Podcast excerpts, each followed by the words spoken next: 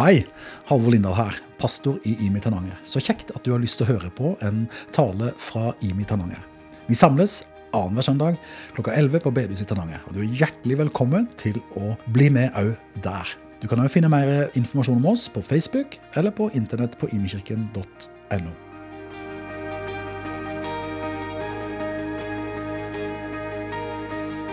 En del av oss fikk en mail før jul fra IMI der det sto sånn som det her. og Jeg tenkte jeg ville ta den med nå, for jeg synes det er nå, til nyttår. Eh, for jeg synes det var så fint. Jeg tenkte Det passer veldig inn med talen i dag. Og Der sto det Alle følger vi etter noen eller noe. Vi liker gjerne å tro at vi følger vårt eget hjerte. Vi lever jo tross alt i individualismens tid. Men hva betyr egentlig det? Lurer vi oss sjøl? Den kristne poeten og forkynneren John Donne sa det så elegant i 1623. Det er en stund siden. No man is an island. Vi mennesker lever ikke i vakuum. Og ligger det vel ikke i menneskets natur å ville bli noen lik? Våre livsrytme, valg vi tar gjennom dagen, og ikke minst mennesket vi er rundt eller lar oss påvirke av. Alt former oss. Spørsmålet er bare til hvem. Kom, følg meg, sa Jesus. Hvordan treffer disse Jesu-ordene oss? Som en befaling? Kanskje sånn? Som en eh, oppfordring? Utfordring? Inspirasjon? Kom, følg meg, sa Jesus måtte livet våre i 2024, uansett her i vårt område, bli en synlig respons på de tre ordene fra Jesus. La oss be. Takk, gode far, for at du har sagt de ordene til oss. At vi får komme til deg og følge deg. Vi pga. din nåde, som vi har fått igjen motta denne formiddagen, kan få lov til å gå inn i det du har for oss, sammen med alle her og andre som vil tro på deg. Velsign stunden vår fortsatt i Jesu navn. Amen. Visjonssøndag. Start på et nytt år. Ehm, det er jo, det er jo den der rundingsbøya som er med. Og så har jeg bare lyst til å løfte opp på en måte i min sin hoved og store visjon gjennom mange år har vært dette her, og Thomas vil legge den opp noe for oss. Å gjøre verdifulle mennesker til bevisste etterfølgere av Jesus Kristus. Den har vi brukt mye tid på for dere som har vært i IMI en god stund.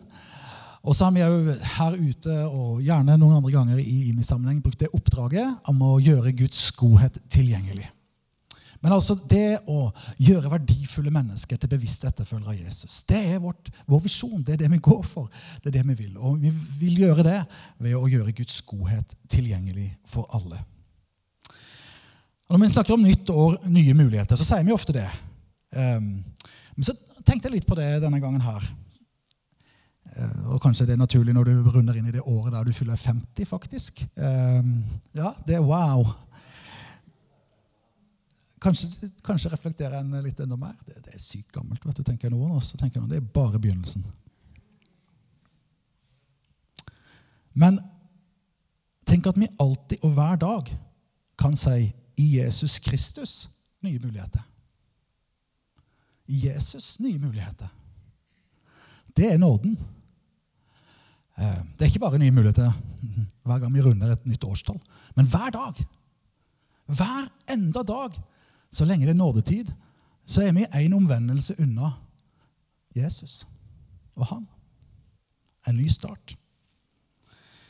Det er veldig mye å si om nyttårsforsett og det vi skal slutte med og det vi skal begynne med. Men som sagt, det er en sånn rundingsbøye. Og I hvert fall så er det en god mulighet til å stoppe opp og reflektere. Og tenke litt. Ta en kikk på prioriteringen i livet. Hva er det vi gir fokus? Og om det stemmer med det vi ønsker skal ha fokus. For det er jo ikke alltid at det er helt Vi har en drøm og en visjon om noe her, men så blir jo tida vår brukt her. Så det er en mulighet til å kalibrere. Sant? Til å stoppe opp. Til å dreie litt på gradeskiva, slik at kursen endrer seg noe. Noe jeg er blitt minnet om å løfte fram eh, i denne søndagen spesielt, som jeg har opplevd, det er det at i hvert fall ikke feiltrinnene våre i 2023 skal definere 2024. Jeg sier det igjen.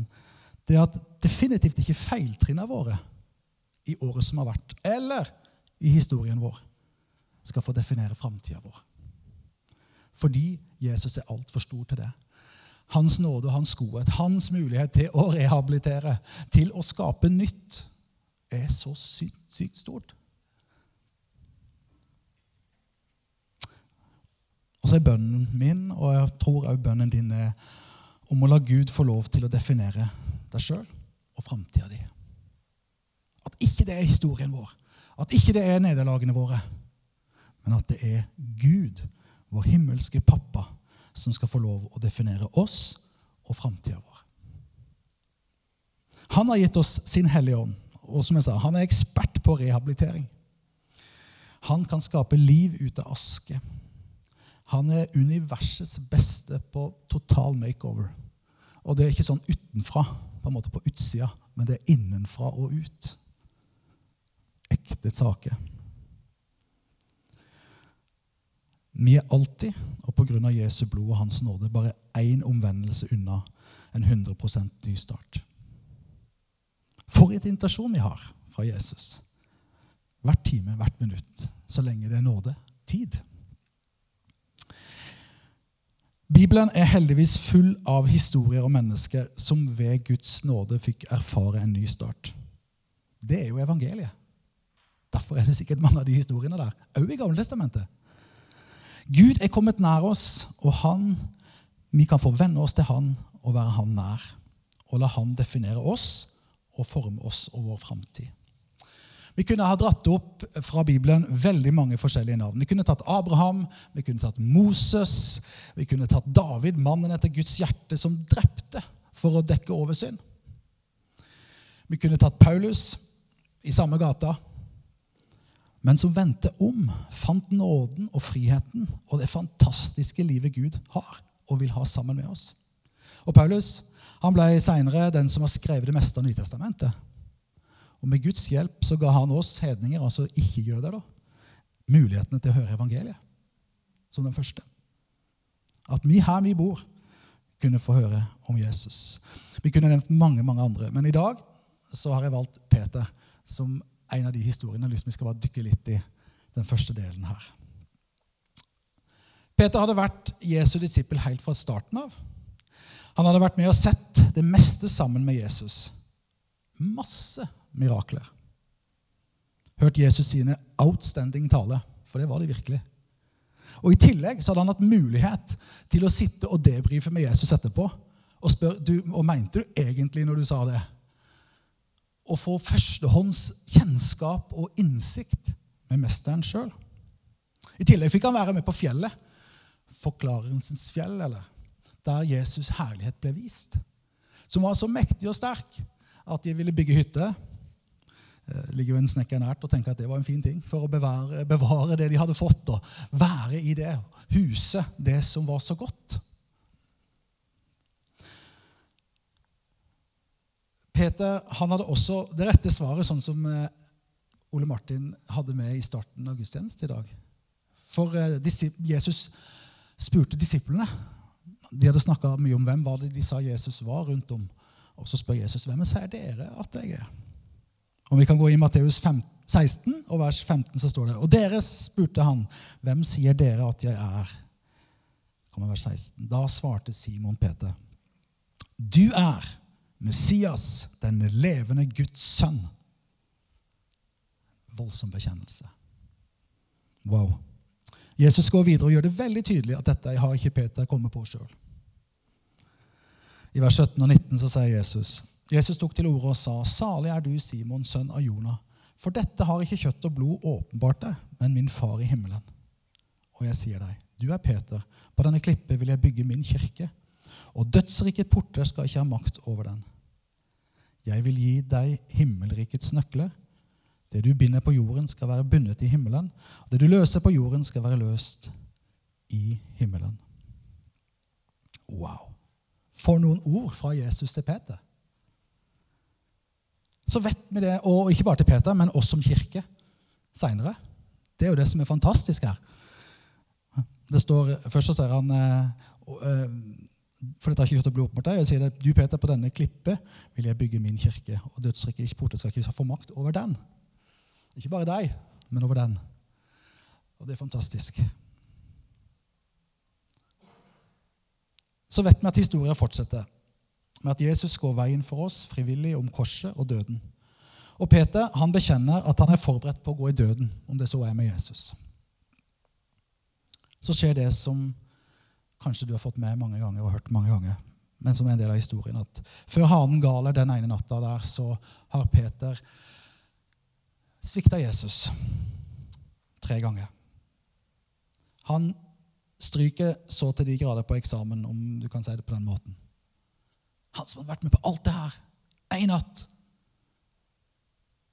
Noen seriøse utfordringer. Noen fristelser. Men han klarer ikke å stå.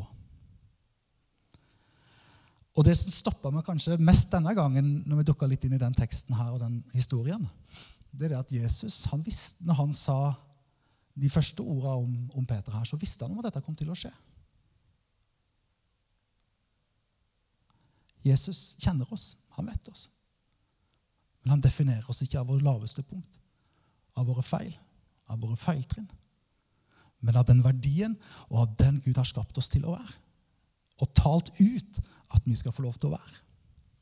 Ta det til deg. Jeg vil i hvert fall ha det. Salig er du, sønn av Simon Jonah, sa Jesus til ham før. Så vet vi at den natta går eh, Historien går videre. Og etter at Jesus har vist seg for kvinnene ved brønnen, etter han har stått opp, så sier han til dem, hils disiplene, og spesielt til Peter.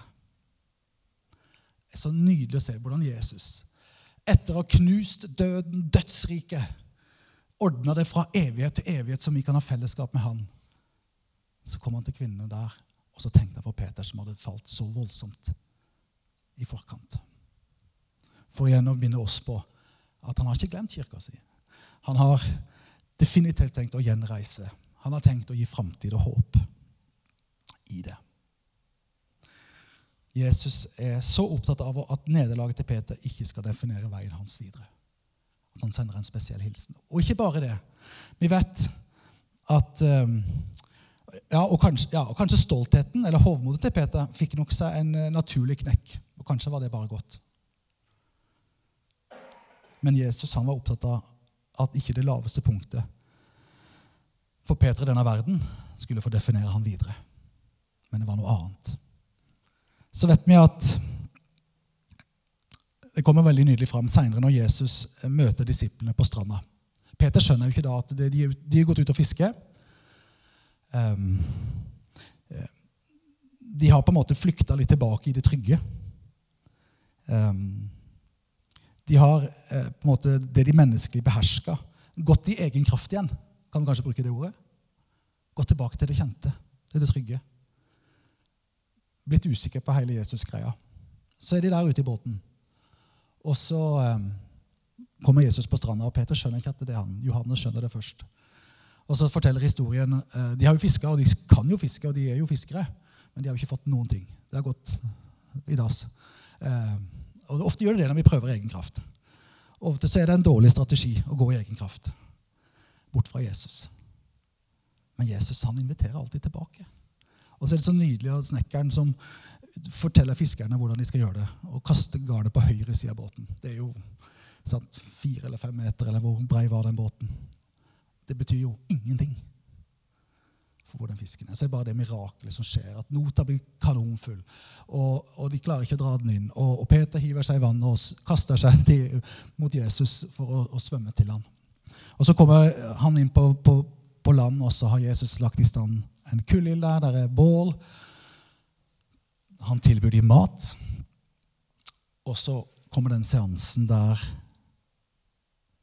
Jesus spør tre ganger Peter, elsker du meg? Hvorfor måtte han spørre tre ganger? Jeg tror Jesus bare igjen var så opptatt av å ikke nederlagene til Peter skulle få definere ham, men at det var den kjærligheten han hadde til Peter, var mye, mye større enn det. Mye, mye større enn det. Peter blir nesten litt oppgitt, kan vi lese i teksten, av hvordan ja, 'Herre, du vet jeg har deg kjær'.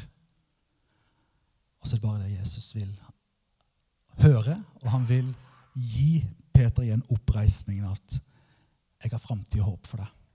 Det sa, og det du bekjente om at jeg ville bygge min kirke på deg, det står ved lag. Det har ikke endra seg noen ting. For du har vendt om. For du, du kommer til meg. For du har gitt Guds nåde en ny sjanse i livet.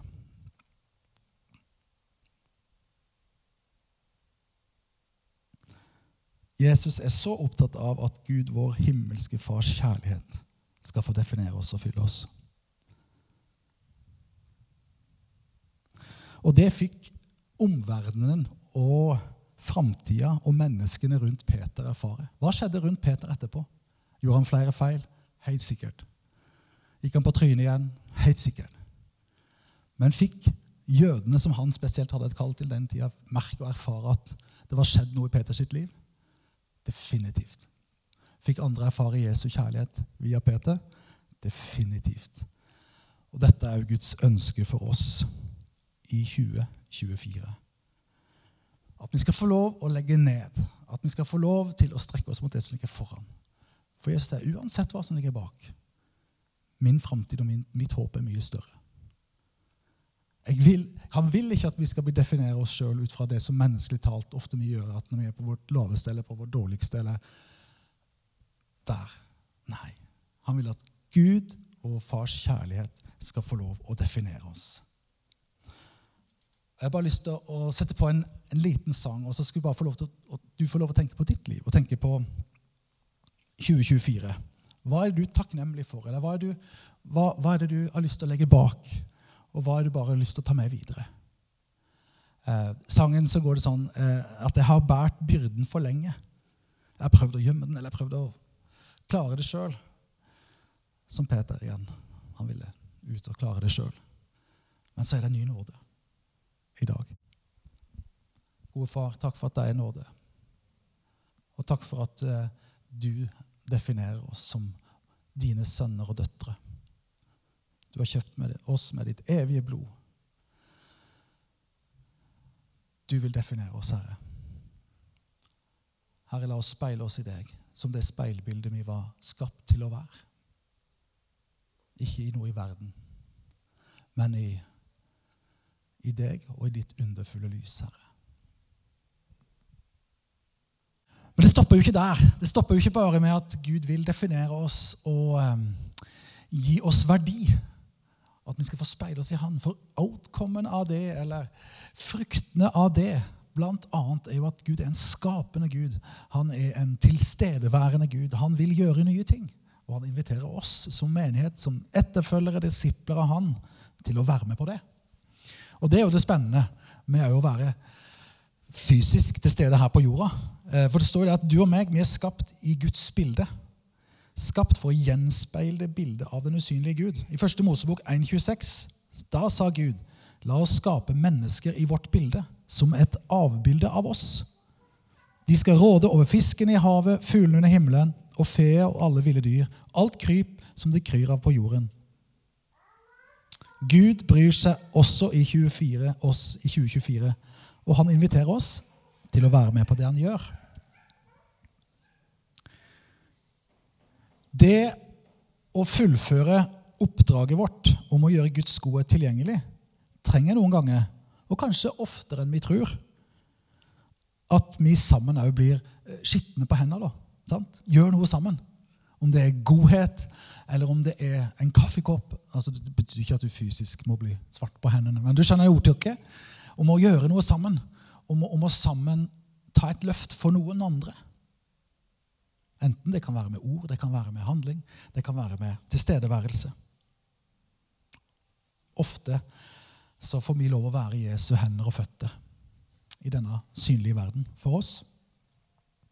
Hva ligger foran oss, og hva vil Gud da ha oss med inn i 2024? Sikkert mye forskjellig, som alt er etter hans vilje, for det, det er jo det han vil ha oss med på, som står i ordet. Eh, sikkert mye av det gode som vi gjorde i fjor, og som vi skal fortsette å gjøre i år. Eh, der du er på arbeidsplassen din og nabolaget ditt, vennene dine, familie. I tillegg så vet dere som har gått en del i Mitananger det siste året, at vi har jobba noe med dette her, hvordan kan vi bety noe i den nøden som er så tydelig nå. Enda tydeligere kanskje nå enn den er, og, og voksne. Vi jeg snakka om hjertet for Tananger og hvordan vi eventuelt kan være med å dele ut matkasser. Eh, og være med å bety en forskjell. At eh, noen sånne kasser som det her helt konkret kan være fullt med noe mat som noen som har det veldig utfordrende og krevende nå, kan få. Det er jo et paradoks at vi i verdens rikeste land, beste land å bo i, så sulter flere og flere folk.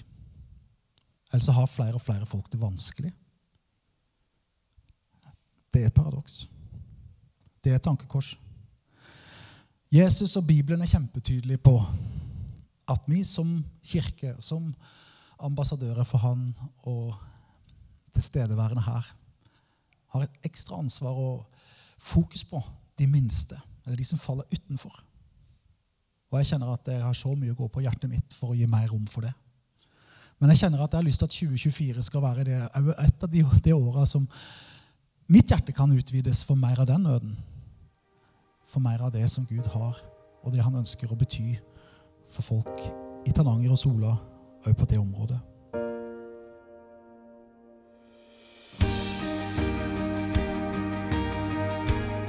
Takk for at du hørte på en tale fra Imi Tananger. Håper den var til velsignelse og berikelse for livet ditt sammen med Jesus. Ha en velsigna dag.